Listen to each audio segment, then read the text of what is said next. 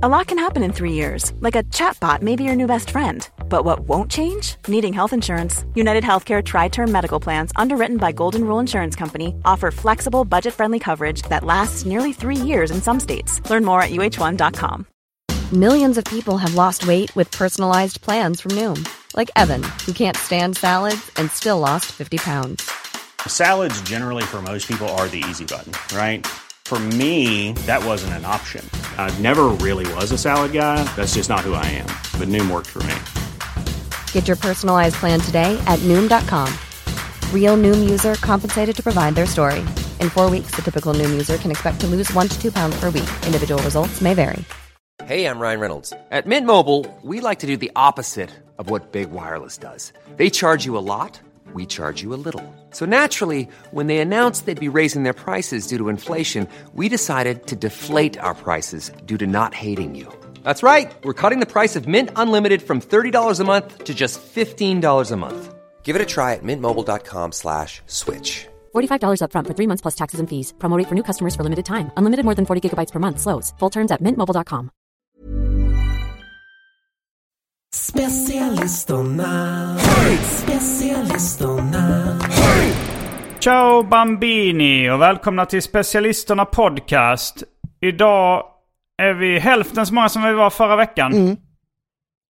Det är jag, eh, Simon Gärdenfors och du Albin Olsson. Ja. Anton har enligt egen utsago inte kommit hem ännu. Han har inte hunnit hem. Jag, jag frågade var han är. Fick inget svar.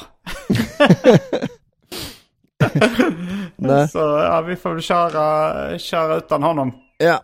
Ehm, men nu har man ju fått lite överdos, vad heter det? Överdos, ja. Överdos av d- deltagare då från förra veckan. Så Ja, då var det för många. Ja. Nu är vi för få. ehm, och du är hemkommen då från New York City. Ja, jag kom hem uh, häromdagen. Eller i, i förrgår eller någonting. Ja. Jag vet inte om vi, ska om vi ska ta upp det här med rumsljudet som du har, eh, att det liksom piper eller någonting i bakgrunden. Ja, det är kanske något billarm eller något liknande utanför. Men Ja. det har slutat uh, tillfälligt nu i alla fall. Mm. Då skiter vi i det. Eh, Ja, och du, hur är läget med dig då? I, jo, det är bra. Är lite så här eh, andra dags bakis. Jag var på rollspelsklubben då i, på avslutningen på Cirkus i lördags. Och Mm. eh, då blev det sent. Ja, du var med på scenen också. Ja. Eh, det var den, den sista någonsin då eh, påstås det. Ja. Det, Mm. Var det roligt? Ja, det var jävligt skoj alltså. Det var väldigt eh, många som var med, så man var inte, eh, man var inte på scen så länge. Men, eh, men det var väldigt kul kväll, liksom. Häng... Var du utklädd? Nej. Eh, jag, jag tänkte eh, så här, att jag funderade på om jag skulle klä ut mig, eller i alla fall ta med typ så en leksakspilbåge eller någonting. Mm. Men så, eh, ah, Du orkar inte. nej jag orkar inte. Eh, jag spelade in någon sån här eh, film. Alla karaktärer skulle ju dö som någonsin har varit med i rollspelsklubben. Så jag fick spela in någon liten film som skulle vara med i något medley där alla Mm. karaktärer som inte var med på scenen dog. just det. Såg du den? eller? Nej, jag miss, vi, backstage så kunde man liksom inte se eh, det som spelades upp på, eh, på projektorn. Så vi, jag hörde ljudet då bara. Alltså jag hörde liksom ett collage av eh, men det går säkert att kolla upp i efterhand. Mm. Det var ju mycket, det var ju väldigt känslosamt eh, vad det verkade i rummet. Och några, eh, att Isak sa jag ska inte gråta på scen, så som man säger. Det är nästan alltid bara människor som, som eh, gråter som säger det. Eh, och sen, eh, sen så var det, jag tyckte nästan det största var att eh, Johan Hurtig Wagrell hade köpt en sån här stuntflaska för 500 kronor. Mhm. Eh, eller två hade han köpt då. Eh, men eh, Så när man slår i huvudet och de krossas fast det är bara på skoj. ja, precis. Eh, och då hade han fått tydliga instruktioner för att de här flaskorna de är gjorda på ett sånt sätt så att det liksom inte alltid de håller för svingandet, så man ska liksom hålla ett finger bakom. Eh, Ah. så att den liksom, för den kan gå av, halsen på flaskan kan liksom gå av bara man slår så då. Så den, är, den ska Mm. vara väldigt, eh, den är väldigt lätt att, man bara ställer ner den på ett bord för hårt så går den sönder liksom och sådär. Mm. Eh, och den, eh, jag tror att Johan tog den instruktionen lite väl långt. För att han, liksom när han slog den, han blev sur då för att, han, eh, för att hans karaktär dog. Då Ja. höll han liksom i hela flaskan, så det blev mer som en liksom bitch slap i huvudet. eller Liksom i, och då var det också mer i tinningen på Isak. Jaha. Eh, så han liksom, det bara sprutar sånt sockerglas i hela ansiktet. och hans glasögon gick sönder. så det var, han var riktigt, eh, eh, han, han grät inte ens då. nej, då grät han inte, men jag tror att han grät sen när det var av, eh, alltså när, när vi gick in och bugade så kändes det som att, han, att det kom en tår eh, för Isak. Liksom. Ja, det var jävligt mycket kärlek riktat åt hans håll från publiken också. Ja. Alltså, de, liksom, de hade, Jag tolkar inte, jag tolk, alltså Isak Jansson tolkar inte jag som en så känslig person. Nej, men det blev nog, eh, ja det såg ut som det kom en tår eh, när liksom 1600 pers ropade Mm. hans namn i rytm, liksom i, i, som en ramsa, så tror jag att då blev det lite för mycket för honom. Ja, Eh, Men det var jävligt skoj alltså. Ja det, det låter, jag var lite på, alltså jag kom hem samma dag Ja. som det skulle vara. Jag funderade på att gå på efterfesten men uh, sen uh, tänkte jag, äh, det, jag, eller jag frågade Andrea om hon ville gå dit. Jag hade varit borta i tio dagar någonting och så Mm. sa hon nej, eh, hänger hellre bara vi två. Ja. Eh, nej, och efterfesten var ju, då var det ju mer, det var ju mer som en, det var ju en comedy reunion då som du brukar säga, men, eh, Mm. men då var det ju ändå eh, att man är ute på, en, alltså man var i, liksom i en, på en pub, så då var det kanske mer backstage-hänget som var eh, Mm. det mäktigaste, eller det roligaste liksom. Sa Isak Jansson varför han la ner rollspelsklubben?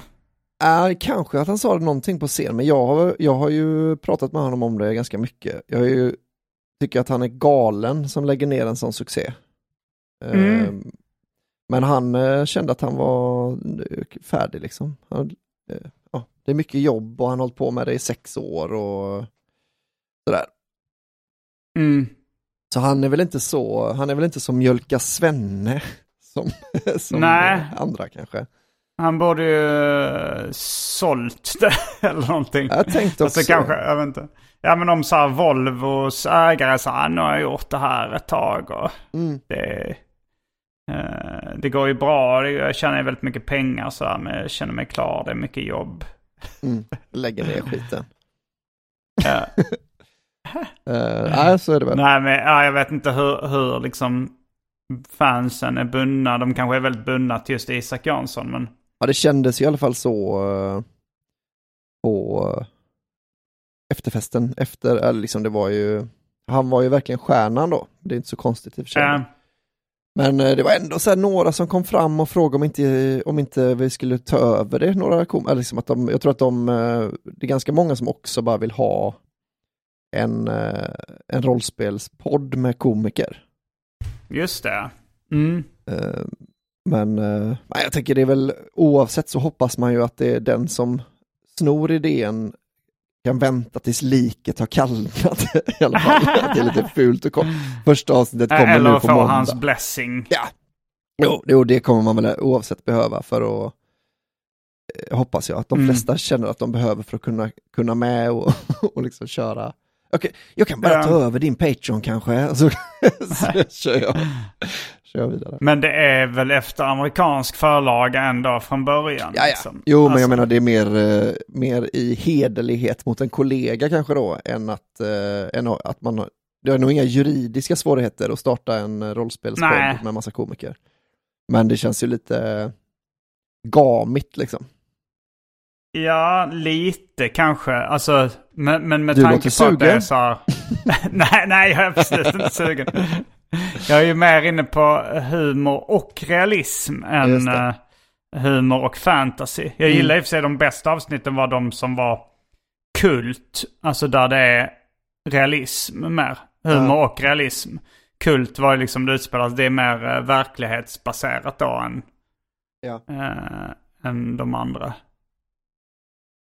Var du med i något kultavsnitt? Ja, det var ju en säsong, men den var väl liksom en följetong va, hela säsongen va? Jag vet inte om han gjorde fler kult. Jo, det var det ja. Mm. Eh, då var det, jag tror det var, det var något som handlade om en kryssning då där en båt sjönk med Just alla det. kända komiker. Just det. Förutom några som inte var bokade. Jag tror den var jag med på. Ja, ja, men det känner jag igen. Och jag, men där, jag kom liksom inte in i den för jag, för jag var det började, jag var liksom med bara som en, eh, några scener i mitten på en film liksom, så jag, jag fattade aldrig riktigt. Men det var ju, det är ju roligt med att man då är sig själv, eh, antar jag.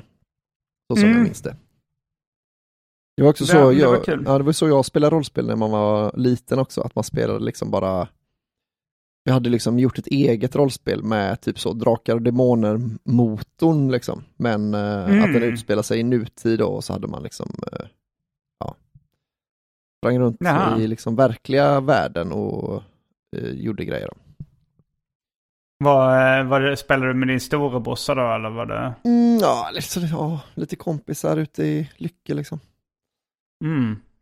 Eh, Men då var det ju inte Men vad kunde ens... ett äventyr gå ut på då? Nej men alltså det kunde ju vara något med, var väl förmodligen något med maffiaboss eller någonting. Alltså det var ju så här man, eh, vi var- ju nog rätt inne på maffiafilmer också på den tiden.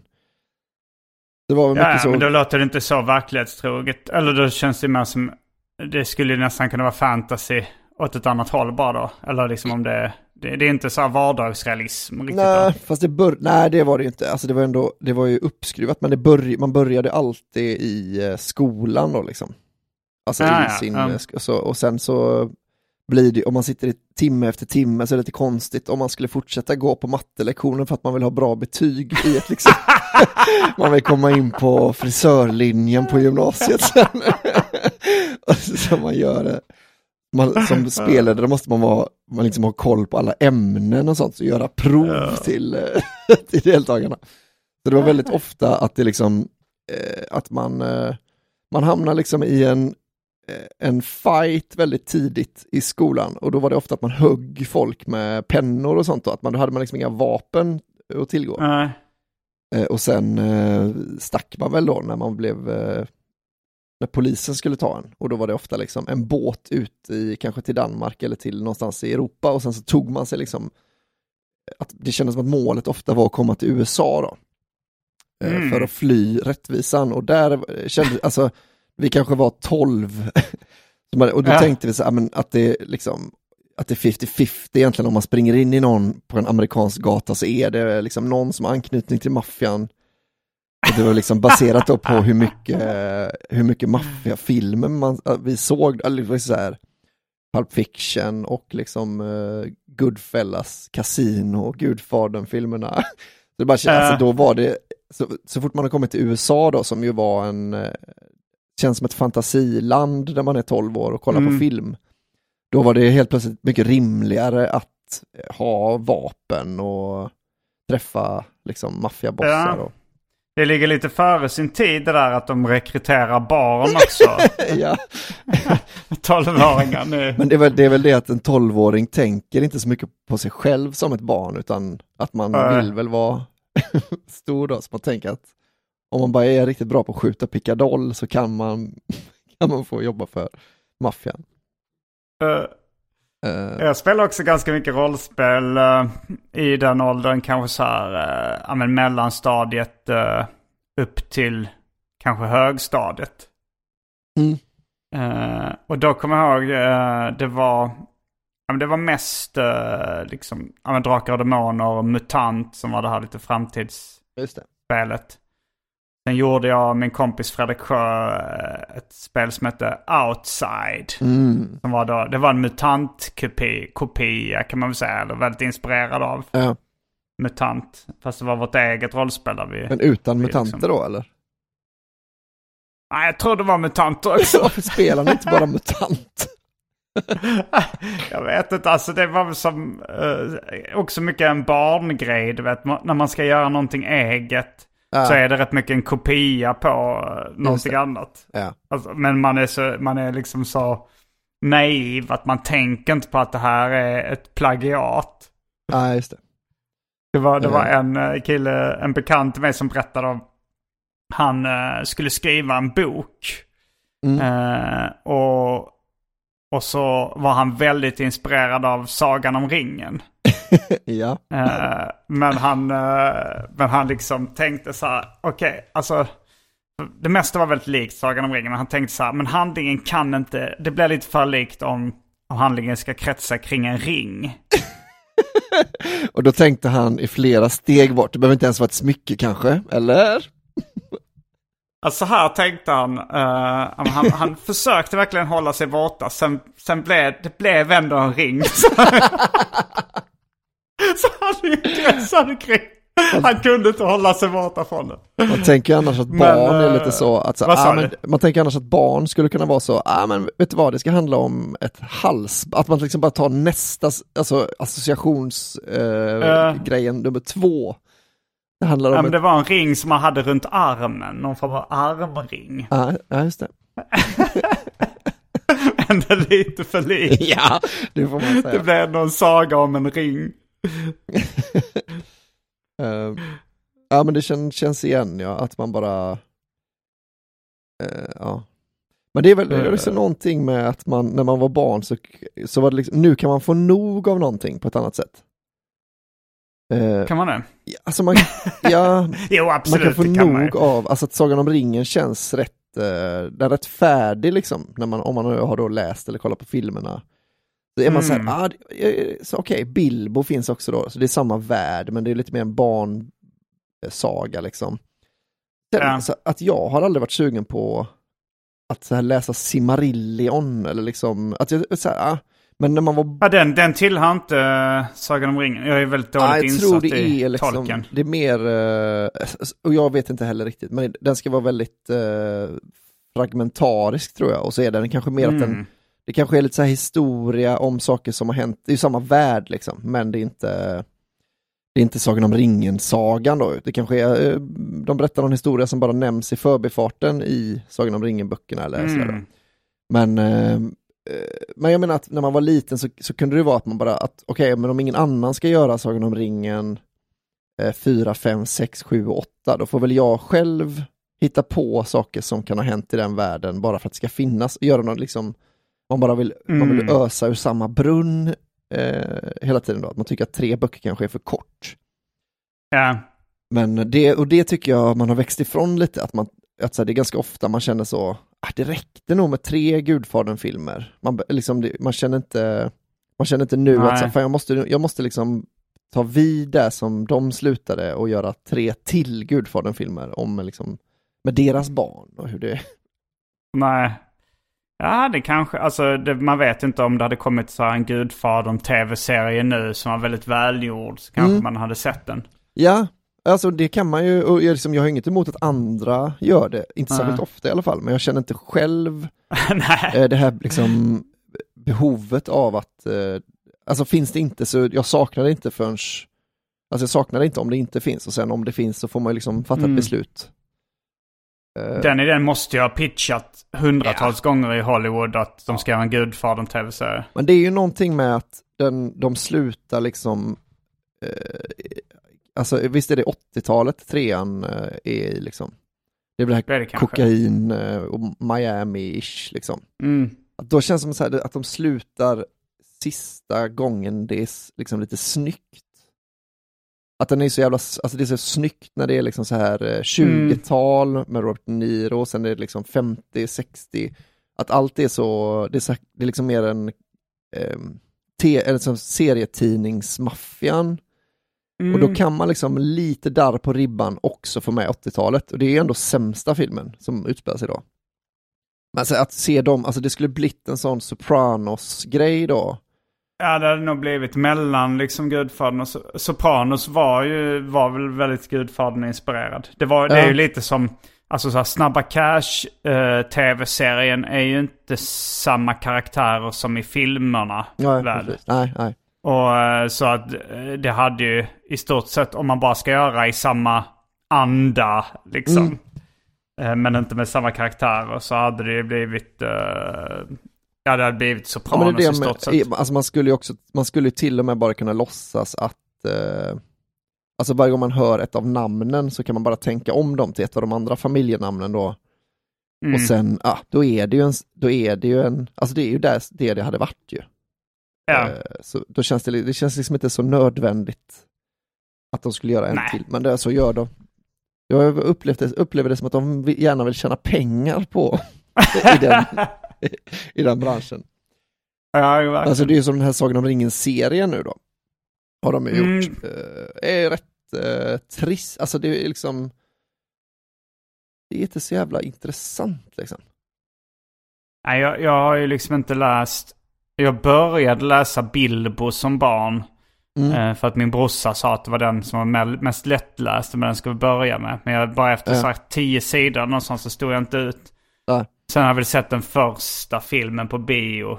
Eh, gav mig inte så mycket. Ja, Sagan om ringen. Men det är liksom Ja. det enda jag konsumerat, det är den världen. Ja, ja. Men jag älskade ju rollspel som barn. Mm, det gjorde jag också. Hade ni, eh, alltså, hade ni i eh, liksom de rollspelsäventyren som ni spelade som ungdomar, barn och ungdomar? Det tror jag nog, fast det var nog väldigt odetaljerat liksom. Ja. Jag kommer Eh. ihåg, alltså vi var väl så här när vi, jag kommer inte om vi var så här kanske, alltså jag var 14, 15 eller någonting när man liksom slutade Ja. spela rollspel. Mm.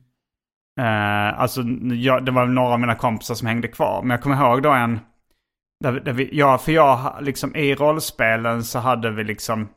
Det var snack om att vissa så här äventyr var det sex Mm. med då. Ja. Alltså i, i Hjärup då Jaha, i sådana som man kunde köpa, alltså så färdigskrivna? Nej, det var mer så här liksom. Eh, det, var, det var någon som pratade om så här. Ah, Pontus, hans polare, de, de har spelat äventyr så här. Då var det liksom ett sånt där man gick till kanske en bordell och så hade man Just det. sex i. Och så var det, så snackade vi så här. Har du, så frågade vi i kompisgänget, har du haft sex liksom i ett rollspel någon gång? Har du, så nej, det har jag inte.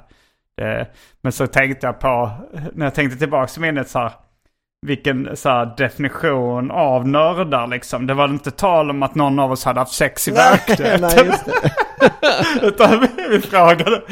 Jag, jag hade inte heller haft sex i något rollspel. Ja, det är, de behövde, behövde egentligen inte ens lägga till det. Man kunde bara fråga så, har, du, har ni haft sex? Eh, och så är det underförstått att det är i ett rollspel.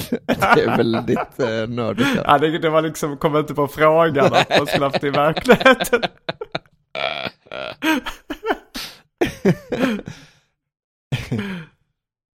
Ja, det är väldigt, Men- eh, det är egentligen lite, alltså jag tänker så, eh, för, för jag tyckte också det var kul att spela rollspelsklubben, eh, både på att man är så då med massa komiker, kollegor och skojar och Mm. tramsar sig, men också rätt Ja, kul att, att det är lite spännande, alltså det var nästan ibland var det nästan synd att det blev för tramsigt när det var så här, Mm. ganska spännande eh, liksom äventyr man, kan, man skulle kunna få eh, ta sig igenom då. Ja, det borde ju finnas två genrer där. Alltså komedirollspel och eh, Ja. eh, seriösa äventyrsrollspel. För jag tycker liksom eh, när, det är när det blir för mycket eh, humor så blir det inte så spännande. Nej, Och precis. kanske tvärtom. Om det blir för spännande så, är, så finns ingen plats för humorn. Nej, precis. Och det, och det finns ju seriösa, alltså det finns säkert ganska gott om seriösa rollspelspoddar. Eh, det, man, Ja. det är det att man kan lika gärna ha en podd. Man sitter ju ändå och en sitter ju och förklarar exakt vad det är som händer hela tiden. Mm. Och de andra sitter och berättar vad de eh, kan och vad de eh, gör och så. Så det, alltså det, som format, alltså det funkar ju att bara spela in det så är det ju precis som att man är med i rummet när någon spelar.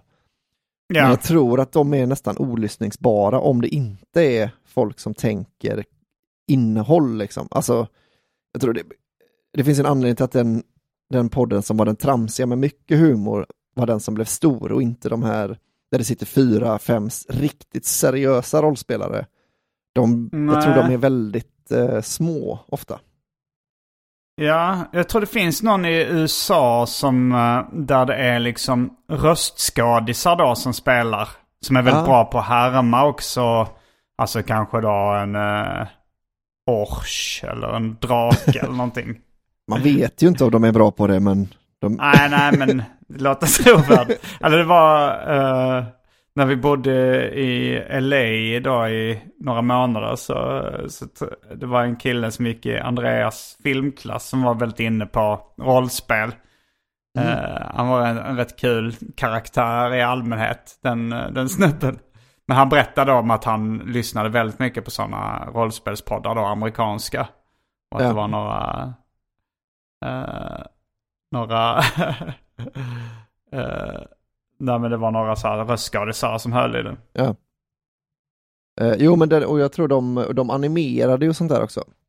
Det vet jag att Isak snackade om också, att man hade kunnat göra, det är väldigt eh, det är väldigt lätt gissar jag, alltså om man har någon som animerar då, men det, är, det blir ju ganska effektfullt om man gör liksom en, en fight-scen animerat. Då, ja, en tecknad film liksom som någon har gjort. Exakt. Som, Um, så, för, för, jag har sett något så på YouTube där de klipper mellan att det sitter människor då och spelar rollspel och sen så klipper de liksom till eh, när någon gör någonting spektakulärt och liksom, jag rullar fram och eh, drar min pilbåge och då liksom är det animerat i liksom. Mm, mm. Eh, och det är väl ganska, det ska man kunna tänka sig är hittbart liksom. Ja, om man, om man är sugen på att titta på det. Mm. Ja, nej, nej, precis. Men, men jag menar om de, man skulle verkligen kunna tänka sig att rollspelsklubben fans skulle vara intresserade ja, ja, ja. av att se eh, filmat material liksom. I och med att de var, gick och såg det live så borde det också funka. Absolut. Um, nu tyckte jag jag fick ett uh, sms. Mm. Av Anton. Uh, Nej, det var faktiskt av Arman. Mm. Uh, han ska köra sin uh, uh, stand-up show. Ja. Den 16 november i... Uh, 16 november i uh, Stockholm. Mm. Kul. Och, ja, och han frågar om jag vill värma upp 10-15 minuter innan. Och det ja. kommer jag nog tacka ja till. Men uh, jag, kan, jag kan vänta med... jag, jag, bara av någon anledning nu uh, hade såg då... Uh, såg då det smset nu. Det är, det, det är kanske inte världens bästa innehåll. Fast nu blev det lite en pluggning för det. Lite reklam. Ja. um, Nej, för det är intressant nu om Anton skulle, för jag tänkte först när du sa att Arman hade smsat, att det var då mm. att han smsar om att ah, Antons mobil är död, men han, han bad mig hälsa att, att, man, att vi ska liksom lägga det här pusslet nu vart Anton är. ja, det, alltså det finns inte så, jag har ju hyfsat bra koll på hans liv. Så ja. det kan ju inte vara så många ställen han är på liksom. alltså han är, uh, var, alltså han är väl förmodligen i Trelleborg. Mm. Och, då, och då är ju inte avstånden jättestora. Nej. Uh, det kan ju vara att han inte hunnit hem. Fast uh, han har knappt tagit sig hemifrån heller. Alltså att han har precis, han ska gå till affären bara. Det räcker ju om man precis går utanför dörren när det börjar så kanske man inte hinner Ja, ja, ja. Och han måste gå till affären just då. Ja, men mm. det, det får bli en, uh, en cliffhanger ja. antingen till uh, specialisterna efter snackgruppen eller till nästa vecka då, då förhoppningsvis Anton är med. Ja. Jag bara menar att det hade varit kul om, man, om det liksom dök upp små, små uh, ja, ledtrådar liksom, under tiden podden var. Att man till slut får reda på att han, ja, han har gått till affären. det, det kommer ju vara väldigt ospännande lösning på det, på det här förmodligen, eh, oavsett vad det är. Ja, det påminner om den där roliga historien om uh, sniglarna. Uh, uh, det är tre sniglar som sitter i en bar och dricker öl. Mm. Och, uh, och så säger den ena snigeln så här, jag tänkte gå och köpa tuggummi. Vill, ska jag köpa åt er också? De sa, ja visst. Och um, två år senare så, så säger de, de två sniglarna som är kvar i baren så säger de så här, ska vi, uh, ska vi dricka upp uh, hans öl också, den tredje snigeln? Och då hör de från dörröppningen. Dricker ni upp ni min öl då kan ni glömma att jag köper tuggummi åt er också. ja, det är det. Oväntat att den skulle bli rolig. Alltså det kändes som att man hade listat ut det redan, men att det var då. man blir överraskad. Man tänker två år, det var väldigt långsamt, men så blir man överraskad. Han var ännu långsammare än man hade tänkt sig. ja, det är väldigt vad långsamma de är ändå. ja, det sniglar. Mm. Sniglar va? Uh, ja men du är bakis idag alltså? Ja, två dagars bakfylla? Ja, man är lite liksom seg uh, en extra dag nu för tiden. Ja, alltså sånt går ju väldigt mycket upp och ner. Jag, jag var ju nu så full i kanske tio dagar i sträck. Mm. Eller mer eller mindre full. Utan uh, jag dagdrack ganska mycket i, i New York också. Ja. Uh, men jag blev inte, inte bakis uh, alls. Nej. Ja, men... uh, nu, jag känner väl lite den här höstkänslan nu när jag kommer tillbaks. Ja. alltså det, det är inte... Det är inte världens bästa känsla. nej, nej. Alltså det är lite så här, det känns lite hotfullt så här, oj nu är det... Ah, nu kommer, nu kommer mörkret och kylan och... Mm. Det var två grader plus i morse när jag gick med barnen till förskolan. Det tyckte jag inte var så kul. Nej. Nej, det var det, det, var det, det är det jag känner lite. Mm. Men uh, jag har lite uh, utlandsresor inplanerade. Mm, var ska du åka? Uh, I november så ska jag andra till Vietnam. Mhm. Kul. Ja, det ska bli skitkul. Du har varit där va? Ja, och ska dit också, fast i eh, april eller något sånt. Oj, planerar ni så långt fram? Ett halvår fram? Ja, men vi ska på ett bröllop i Thailand och då tänkte vi att i anslutning till det så mm. åker vi, eh, ja, då åker vi till Vietnam ett par veckor mm. innan och sen åker vi till, flyger vi direkt till Thailand och sen hem. Liksom. Mm. Um, ja, så, ja, det är ju kanon alltså. Jag ska nog åka till Ho Chi Minh. Vi, har, vi har nog lite olika. Vi ska nog vara på, är det Phukoc en av öarna heter? Ja. Uh. Vi ska vara på någon sån resort och sen ska vi också göra lite andra grejer. Mm. Jag var rätt inne på så här, ja, men, jag har jobbat ganska mycket. Jag var rätt sugen på bara så här, någon gång har jag, har jag och Andreas varit på en resort i Thailand och bara så här, där jag i stort sett bara har legat vid poolen och läst böcker och kanske druckit lite öl och du vet, gått på restauranger ja. på kvällarna. Ja. Och eh, det, det, tyckte jag, det tyckte jag var något av det bästa jag gjort i livet mm. liksom. Och det var det jag var jävligt sugen på. Eh, och så föreslog jag nu att vi skulle göra det. Ja. Eh, och då så sa Andrea, jo men det kan vi göra men Eh, men det är kanske lite roligare att göra det i Vietnam istället för Thailand eftersom vi redan varit på en sån resort i, i Thailand. Mm. Så sa jag, ja men det eh. kan vi göra. Bara, bara jag får det här liksom slappa resort-hänget. Och sen bokade vi resan. Och sen, sen ändrade Andrea lite så här, ja men nu när vi ändå är i Vietnam då vill man ändå uppleva lite andra. Uh, det var exakt det här som inte fick hända. Men uh, vi kom överens om kanske 50-50. Ja. Eh, ja, jag, Mötas på halva vägen, det är nyckeln till ett uh, lyckat äktenskap. är det.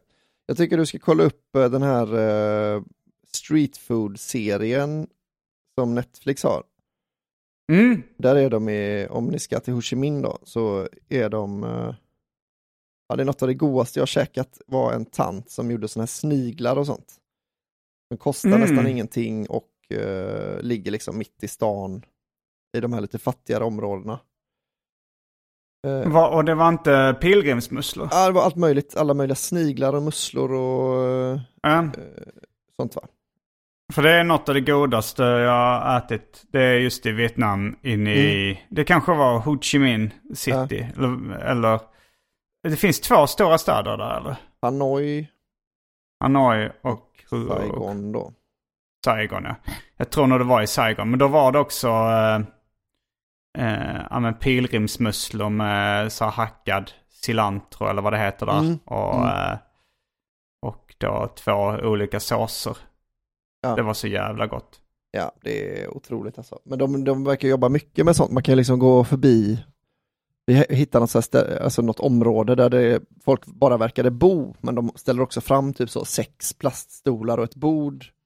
Mm. Och så är grillen ändå igång ifall det kommer någon och vill äta liksom. Så kan man bara gå in dit och betala 9 kronor för en pilgrimsmussla med liksom chili och att det var liksom den streetfood-kulturen var så jävla nice tyckte jag. Mm. Men den här kvinnan då hade, eh, att hon bara, man pekar liksom på en meny, de kunde typ ingen engelska och sen så ställer de fram sådana korgar, du vet, sådana eh, med, med några stycken i varje och sen eh, räknar de bara korgarna så kostar allt lika mycket och så Det var så jävla gott alltså.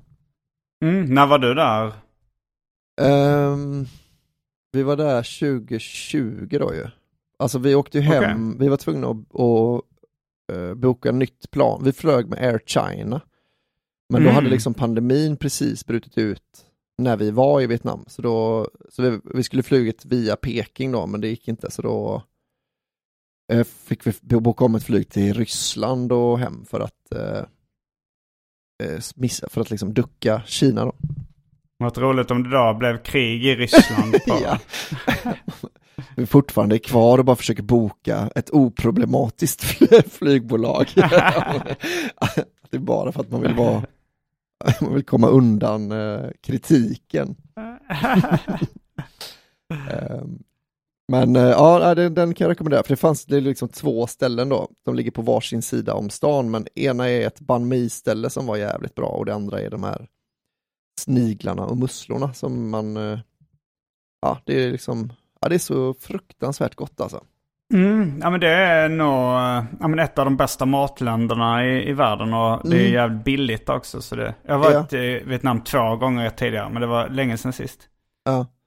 ja, jag tycker nog också det. Jag har aldrig blivit så, eh, liksom ja, extremt hög lägstanivå och den högsta Mm. högsta nivån jag varit med om. Så det är liksom en bra kombination att det går nästan inte att äta något dåligt och man kan äta det bästa som finns. Det känns Ja. som en, en väldigt, väldigt trevlig kombination av nivåer. Ja, och eh, att det är billigt då. Dessutom det, som en liten bonus. Bara- det här är ändå mat man hade kunnat tänka sig betala ganska mycket för.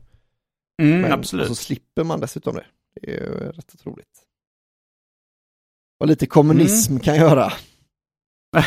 Kolonialism och kommunism är en perfekt kom kombination. Vilka var det som kolonialiserade Vietnam? Ja, Frankrike vet Alltså- du. Så det är väl därför det är så bra mat antagligen. Att de har Ah, liksom, ja. alltså banh mi är väl en sån, eh, en väldigt, Ja, en baguette, ja. exakt. Det. Så det är ju en, eh, Mm. ett fusion-kök väldigt mycket tror jag. Och när var det en fransk koloni? Eh, ja, det var väl där när man hade kolonier fram till 1800, kanske en bit in på 1900-talet kanske. Sen tror jag nog att, eh, det är ofta också liksom när det varit krig mot USA så har det ibland påverkat att eh, de lagar mat till amerikanska soldater Mm. på vissa ställen och tagit så här amerikanska influenser. Ja. Men Det det, kan också... men det är väl mer eh, thai, va?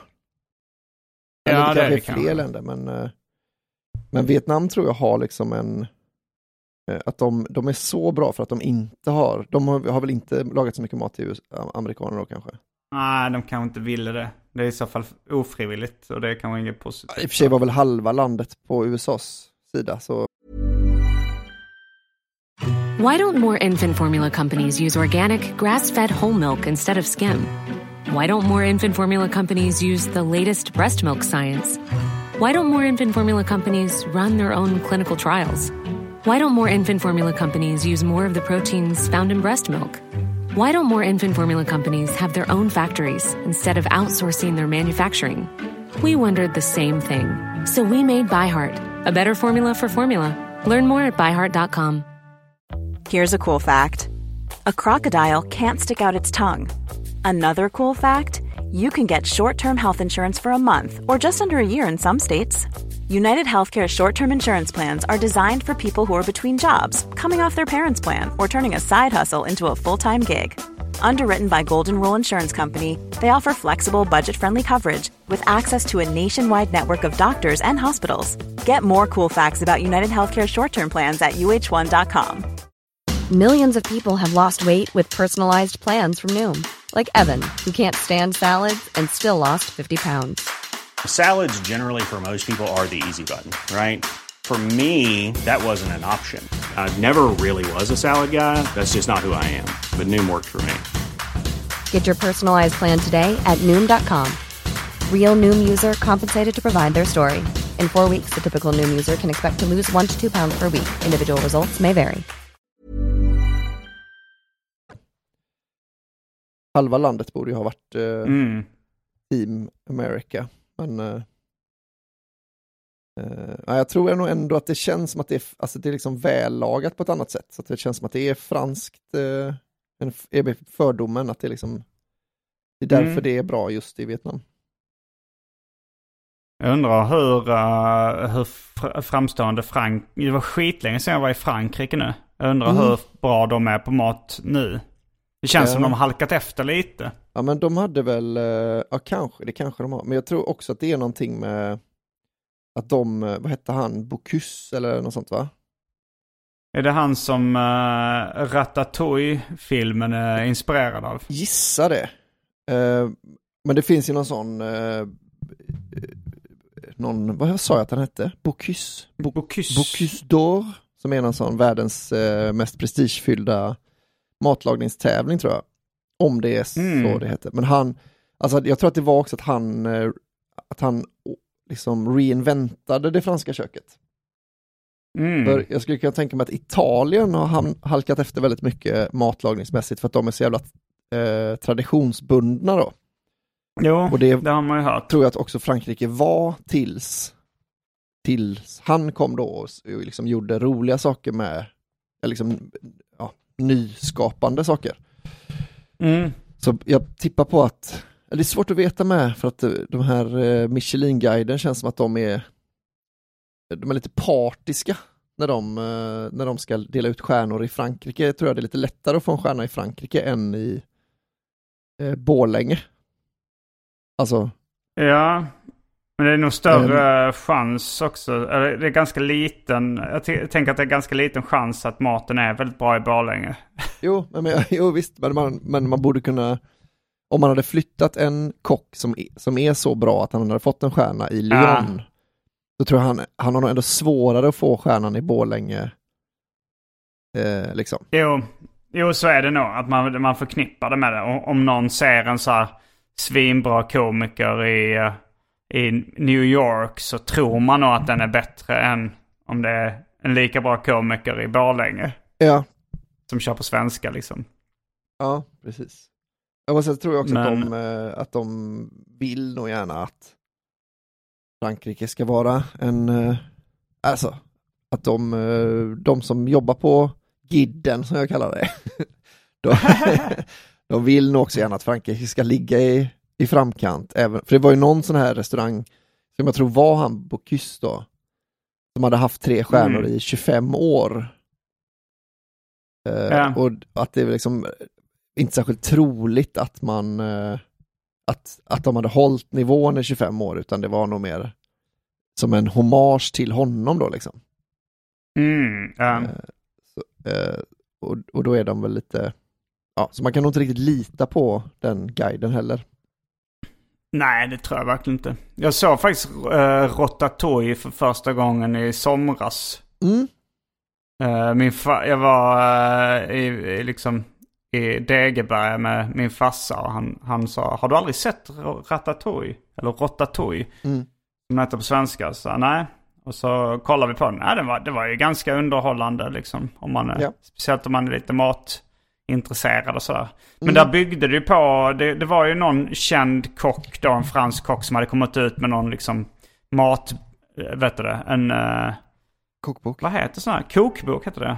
Alltså då som var legendarisk. Och Mm. Ja, det, jag vet inte om det är samma person som du pratar om då. Ja, det kan vara Och sen är det väl han, var- eh, vad heter han, Bourdain som är, eh, alltså han är, han har liksom, de ringde in honom tror jag för att det skulle se ut, alltså det skulle vara som ett riktigt kök då. Så han har liksom, han har konsultat. Mhm, Anthony Bourdain. Jag tror att det var det i alla fall. Men inte, Ja. Jag såg eh, en dokumentär om honom, Mm. den som heter Roadrunner. Har du sett den också? nej, känner inte igen. Han uh, begick ju självmord eh, för ett tag sedan. Mm. Ehm, ja, det hade han säkert all fog för. Tänka sig. Eh, men var det han som blev av med smaksinnet? Det är någon sån någon sjuk grej eller? Det tror jag inte. alltså, det det borde kanske- de tagit upp i den dokumentären. Ja. Det, alltså, Uh, nej, men det, var- det var något så här att han då liksom skulle vara eh, att han liksom matlagningens Beethoven, jag vet inte, det kanske inte var han då. Men att, att det är så, att, det att då, man, man älskar sådana historier tydligen, där det blir så ironiskt att man jobbar bara med sitt gehör och så blir man döv liksom. ja, Eller- det finns väl den filmen Long Gone Pete Tong. Alltså som jag tror är gjord av samma gäng eller person som gjorde eh, vad heter den rockbands eh, som blev väldigt känd. Där de vrider Ja, upp. just eh, det. Turn it up to eleven. Vad fan heter den? Ja, just det. Eh, Spinal Tap. Ja, Jag tror eh, den snubben som gjorde Spinal Tap sen gjorde en film om då en DJ som förlorar hörseln. som är en sån, eh, och han är... Han heter Pete Tong. Filmen heter Long Gone Pete Tong. ja.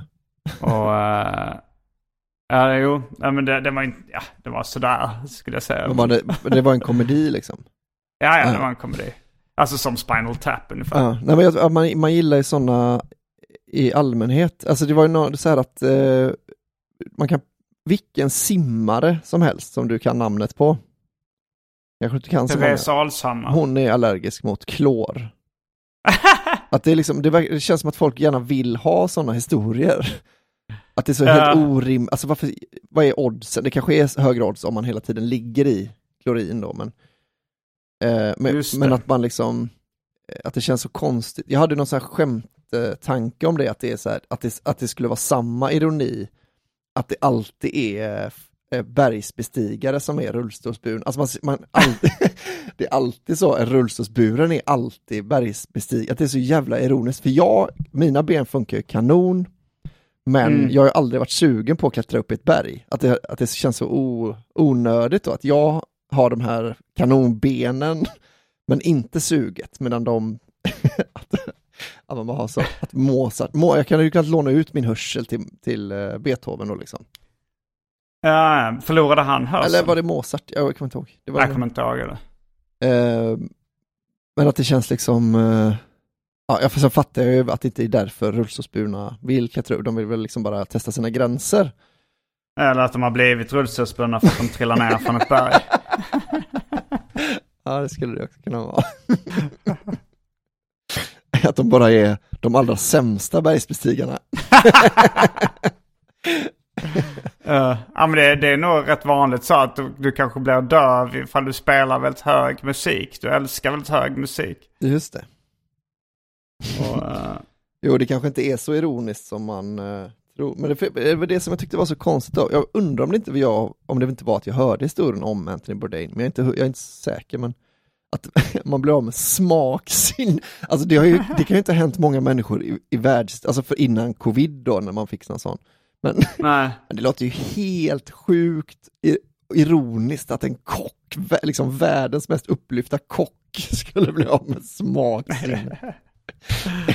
Men var han, var han så upplyft som kock? För han var väl mer så här, eh, eh, ja men som författare och journalist och programledare och lite rock'n'roll. Uh, Han var, blev liksom en rock'n'roll-kock. Ja, men var det inte, Eh. han hade väl, han gjorde väl eh, de här, eh, alltså när man, man hade ingen aning om vad man fick in, eller vet man, man kunde liksom sätta Mm. sig och så sa, ah, har ni inte ätit upp, eh, gillar ni inte duken? Och så var liksom duken ätbar och så var det liksom eh, eh, här ballong som, man, som kom in som man skulle liksom, äh, att det var bara så, att det var liksom en show eh, att gå på hans restauranger. Är inte det Bourdain? Nej, det är nog inte Anthony Bourdain. Är det El Bulli du tänker på? Nej, det var en i USA in, alltså så det var typ så, det står en vas på bordet och så, då var den också gjord av liksom bla bla bla.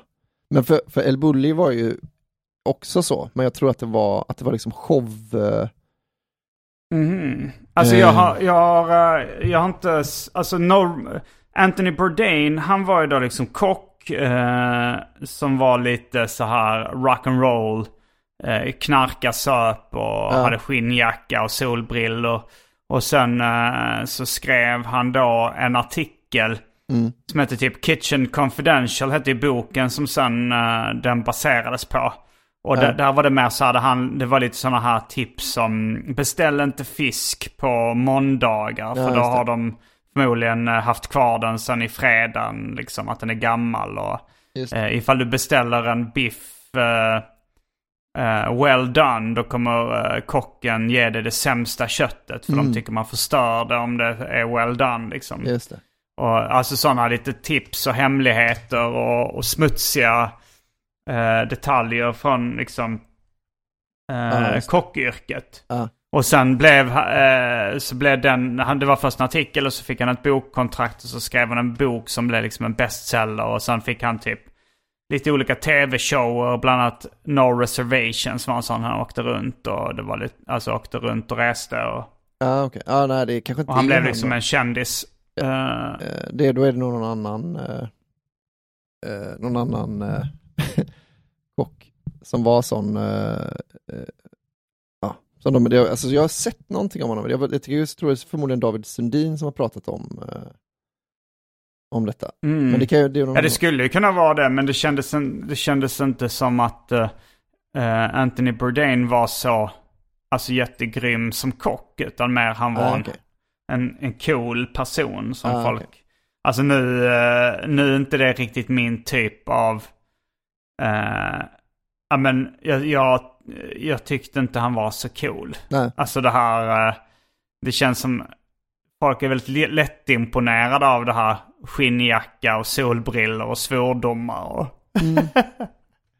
Men eh, det är inte Eh, min ja, ja estetik precis, ja, det, känns, eh, det känns som att han att det kanske var lätt, lättare för honom. alltså det var bara så här, det var egentligen inte att han gjorde så coola saker. Det är många Nej. som knarkar och har skinnjacka, men att han, att han liksom bara, han kom Han var från, väl rätt okej på att skriva också. ja. Jo, det är sant. Eh, Eh, jag undrar vad han, eh, vem det är, vem jag tänker på då. du får, får väl eh, googla. Mm, det är så svårt, jag vet liksom inte vart, man ska börja då. Eh, A cock that served.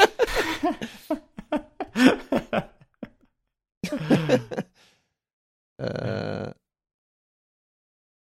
Nej, det kommer jag, nej, jag, det här får vi ta någon annan gång tror jag.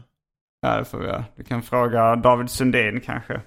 För jag tror, Han vet. jag tror liksom inte ens att om jag ser, eh, i och med att jag tänkt att det är han s- så länge, så är jag liksom, jag tror inte ens om jag ser restaurangens namn, är det inte säkert att den kommer, eh, Nej, men det fanns ju, det fanns ju någon sån restaurang, det tror jag inte var Anthony Bourdain utan eh, som var lite så här, du vet personalen var otrevlig och det var grejen. mhm, Att de, om någon klagade på att eh, duken var smutsig så tog uh, kyparen bara och vände på duken och visade att den var lika smutsig på andra sidan och vände tillbaks den.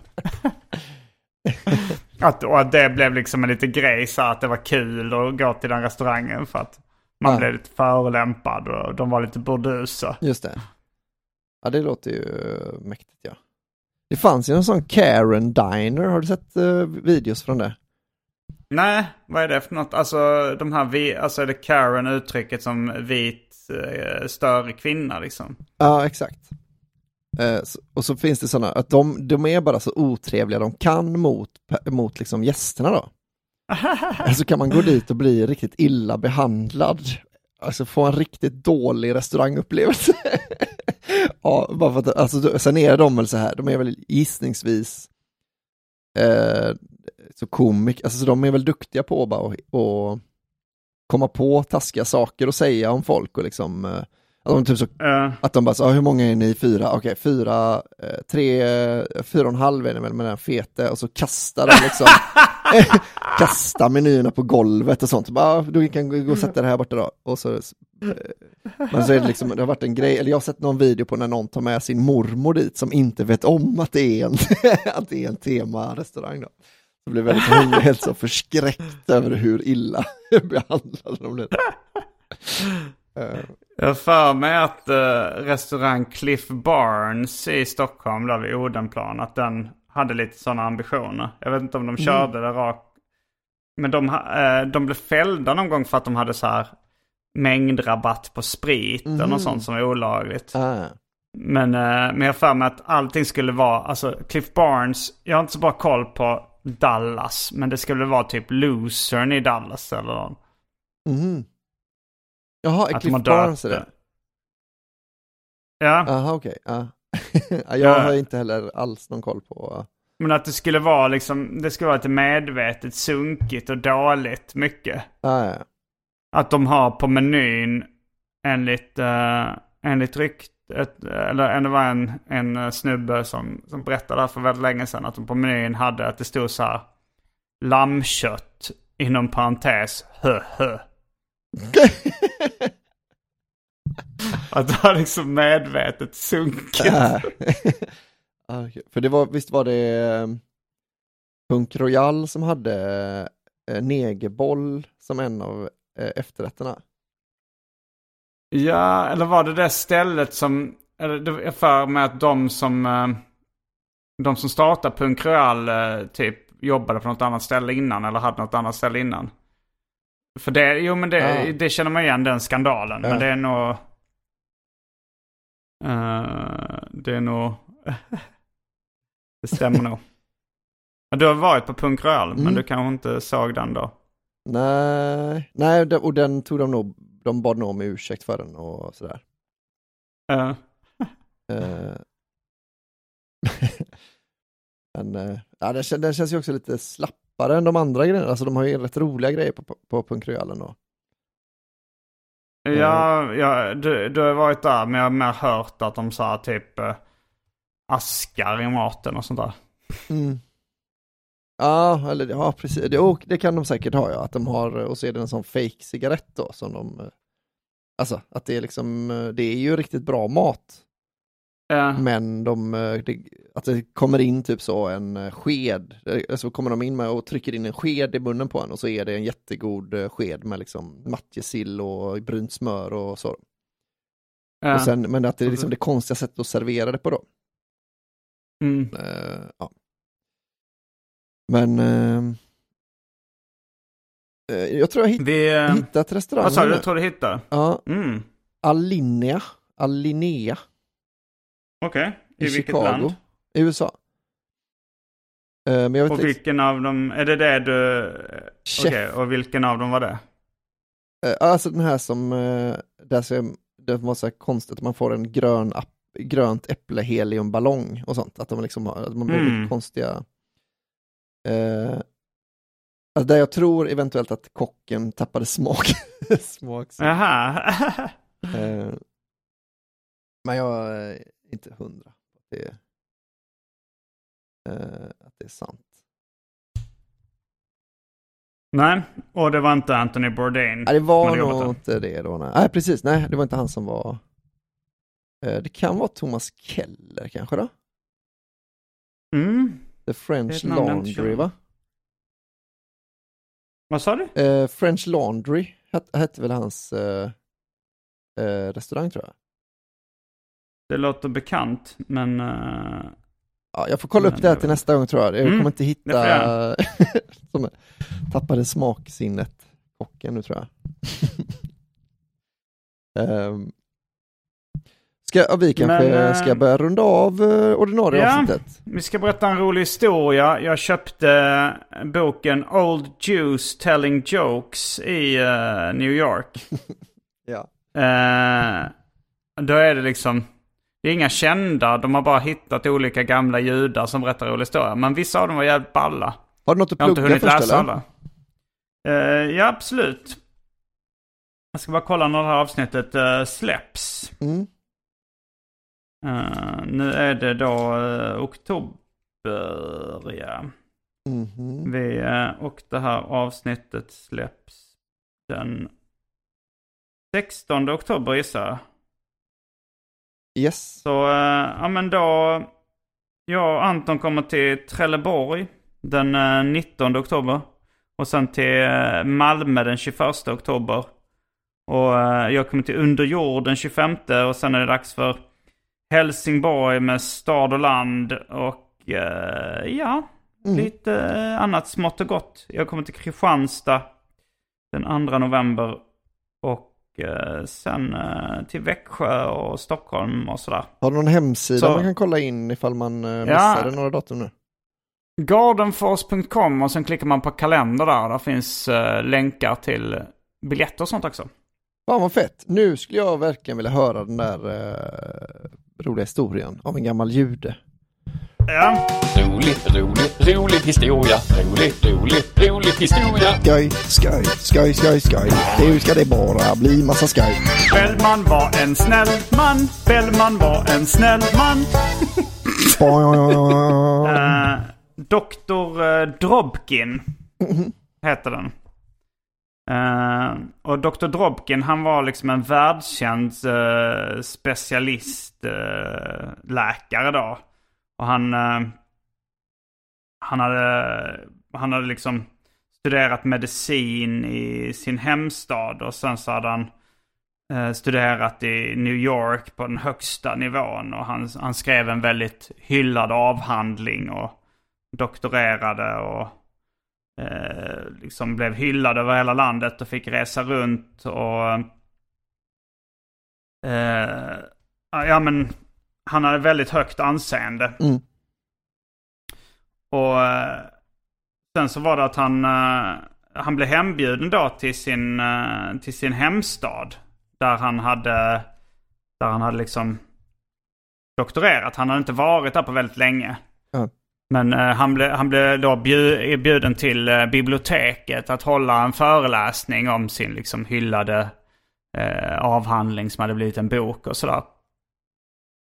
Och eh, så skulle han då, det var, det var ett fullpackat rum, hela, hela liksom, den lilla staden hade samlats eh, i bibliotekets hörsal.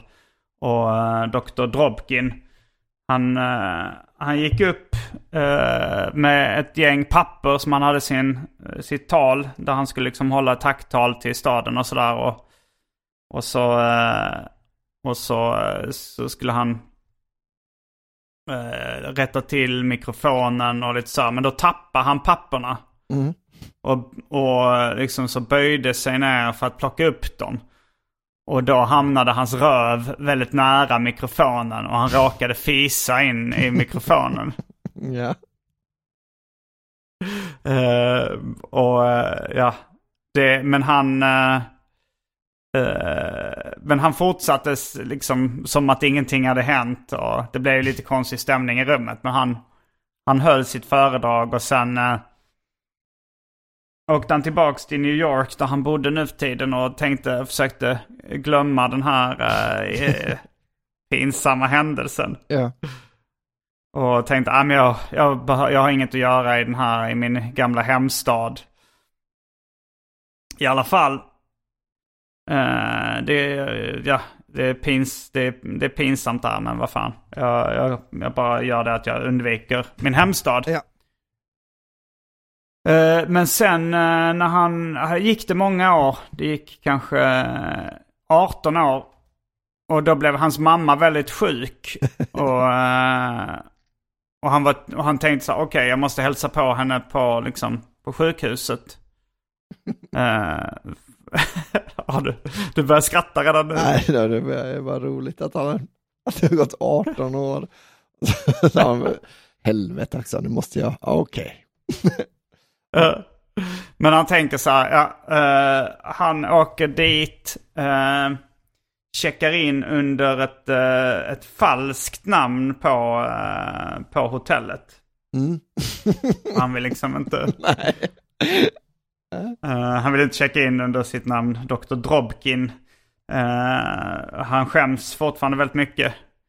Och så eh, receptionisten är en ganska ung, ung kille då i unga 20-årsåldern. Mm. Och som säger, ja, ja, trevligt. har du varit i, i den här lilla staden tidigare? Så här, ja, jag växte faktiskt upp här i den här lilla stan. Men eh, jag, har inte, jag har inte varit här på väldigt länge på grund av en, ja, men en ganska pinsam grej som hände mig för, för länge sedan. Eh, Så eh, ja, jag har undvikit staden. Och eh, den unge mannen säger så här, ja, jag... Eh, med all respekt eh, så jag, jag som en ung man vill inte ge råd till, eh, till en äldre man så här. Men, men min erfarenhet är att eh, när man har varit med om någonting pinsamt så är det mest man själv som liksom tänker på det väldigt mycket och, och skäms väldigt mycket över det. Att jag har själv varit med om saker som jag tyckte var väldigt pinsamt och sen när jag tagit upp det med, med folk som var med då så har de inte ens kommit ihåg att det har hänt. Ja, just det. Eh, och eh, så sa han, eh, så var det länge sedan det här hände? Så sa han, eh, ja, jo det var väldigt, väldigt länge sedan. Så han, hur länge sedan? Var det, var det före eller efter Drobkin-fisen?